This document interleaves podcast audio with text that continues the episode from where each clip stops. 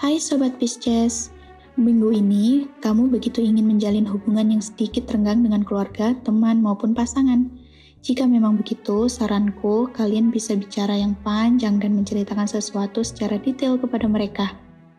Atau kalian bisa melakukan aktivitas bersama yang disukai, misalnya nongkrong di kafe langganan kalian. Jangan lupa tetap mematuhi protokol kesehatan ya. Oh iya, aku ada pesan untuk Sobat Pisces di minggu ini mulutmu adalah harimaumu. Jaga ucapanmu, jangan sampai membuat orang lain terluka karena kamu tidak sengaja mengucapkan kata-kata.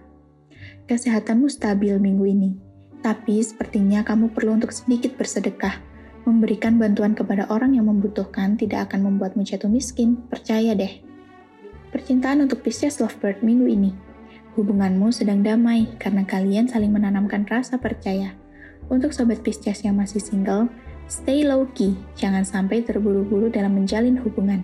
Hanya karena merasa cocok dengan beberapa hal, kamu langsung menganggap dia jodohmu. Jalani saja pelan-pelan, nikmati setiap prosesnya.